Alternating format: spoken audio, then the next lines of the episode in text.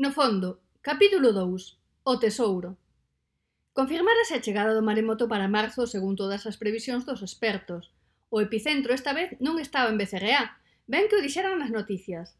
O alcalde vendera o como un logro, o terceiro punto do programa electoral, ser, por fin, o epicentro dun seísmo, que visto o visto non se pode asegurar con rotundidade que non fose así.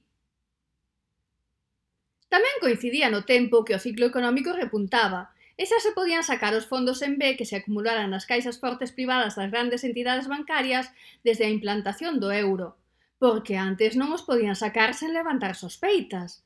Non é que me guste falar, pero se dicían que estaban en crise, non podían andar por aí gastando como a tolos.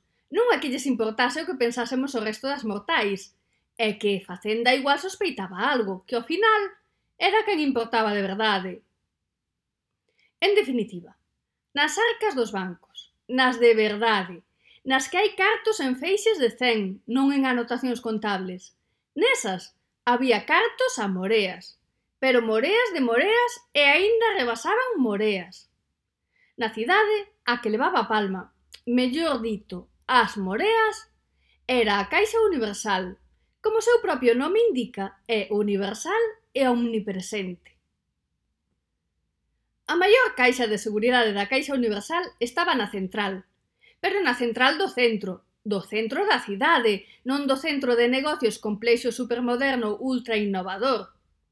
Quen ia sospeitar que tendo o centro operativo no polígono industrial, tiñan os cartos no centro da cidade. Pero así era. Era para non levantar sospeitas e para evitar que lle roubasen. Porque no centro, onde estaba a central, Era case imposible aparcar algo o suficientemente potente como para poder chegar a facer algo o suficientemente perxudicial. Vale, algún atraco sí que houbera, como en todas. Pero peso que dixera a prensa, a entidade e as compañías de seguros nunca levaran máis duns poucos miles de euros, pero poucos. Ao facerse firme a ameaza do maremoto, puxose en marcha o plan de evacuación, Era un plan que elaboraron os expertos municipais, asesorados por especialistas norteamericanos, de Hawái. Eran os do PTWC, Pacific Tsunami Warning Center, que tiñan moita experiencia en maremotos. Non, non é que viñeran nin nada. O que pasou foi que no Concello pasaron olímpicamente dos informes dos expertos do Instituto Sismográfico. Anda aquí a ver aquí un maremoto, Que viñeran unhas olas grandes e volveran tirar o balaustre do paseo marítimo, vale.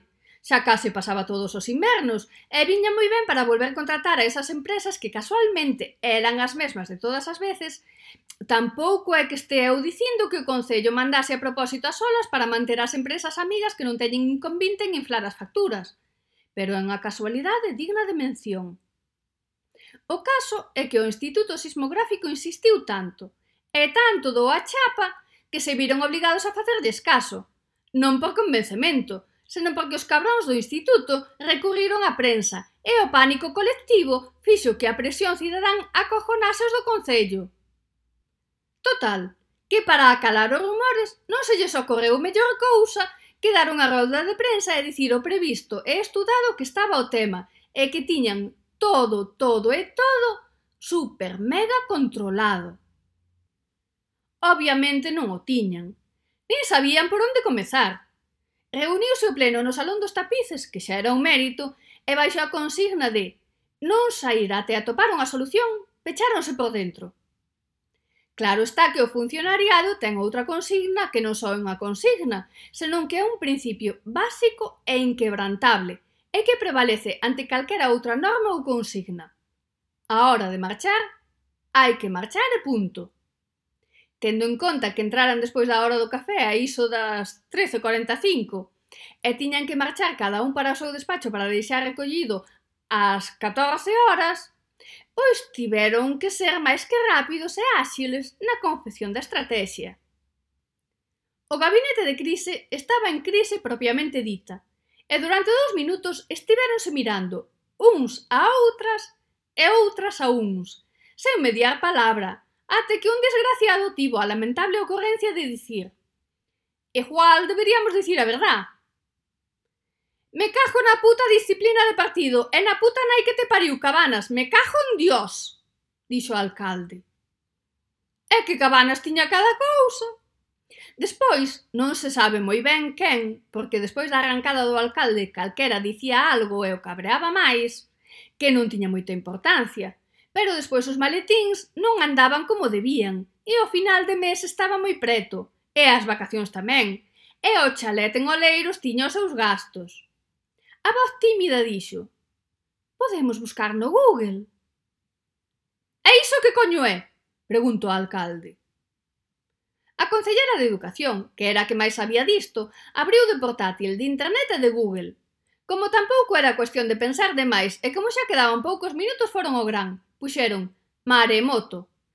E saliu ali o que non está nos escritos. Bueno, sí que está. De feito, saliron ali todos os escritos. Demais. Con ansia, baixaron co cursor buscando un plan de evacuación de emerxencia. O alcalde non entendía tanto gastar en ordenadores de última xeración, se total había que dicirlle todo letra por letra.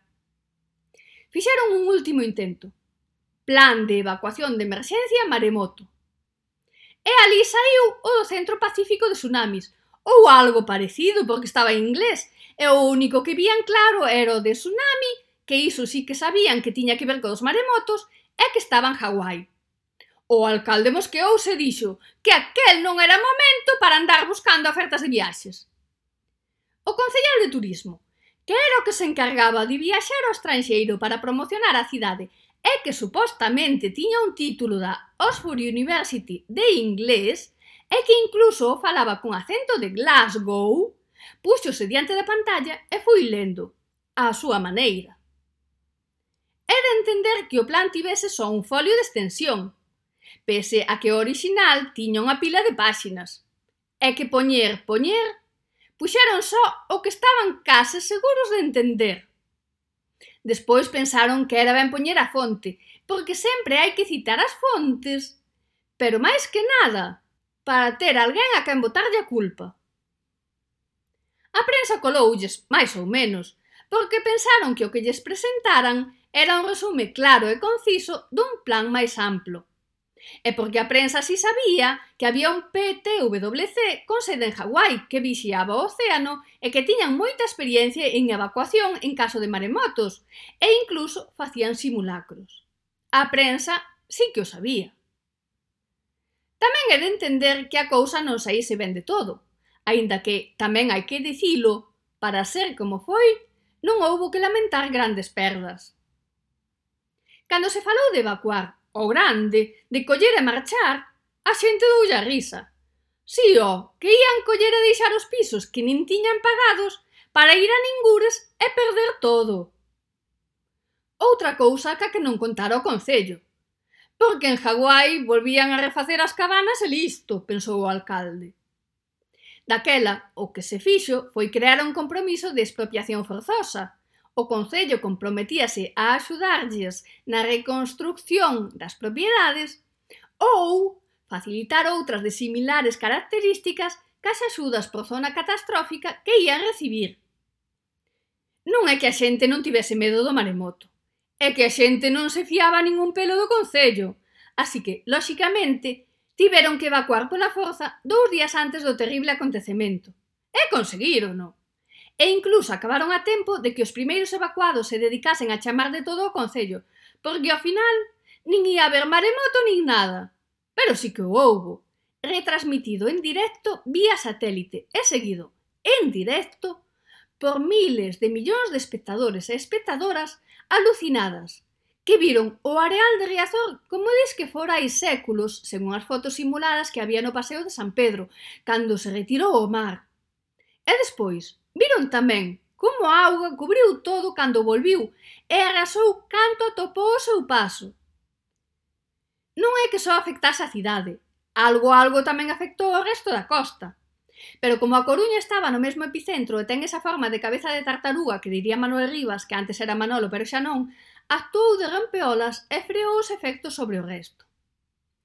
Foi tamén esta forma a que provocou que cando as augas volveron ao seu, a cidade non volvese ao seu estado normal, senón que fixese de tope, de embalse, por dicilo de algún xeito. E a auga quedase a nivel, pero non o de antes, senón por riba, dos edificios e de todo. E aí comezou.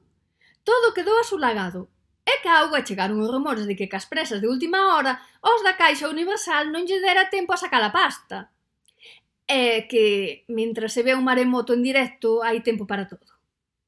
A lenda naciu cando os xornalistas lle preguntaron ao presidente da Caixa Universal por este rumor e el o desmentiu totalmente, dicindo que eran falacias e non sei que máis indignidades. Quen seguimos os programas de corazón sabemos que iso era unha confirmación clarísima dos rumores. Así que, baixo a auga no centro da antiga cidade da Coruña, no fondo. Está a caixa forte máis grande de Galicia chea de cartos, de moreas de cartos, pero deses cartos que van en feixes, agardando a que alguén baixe e os rescate.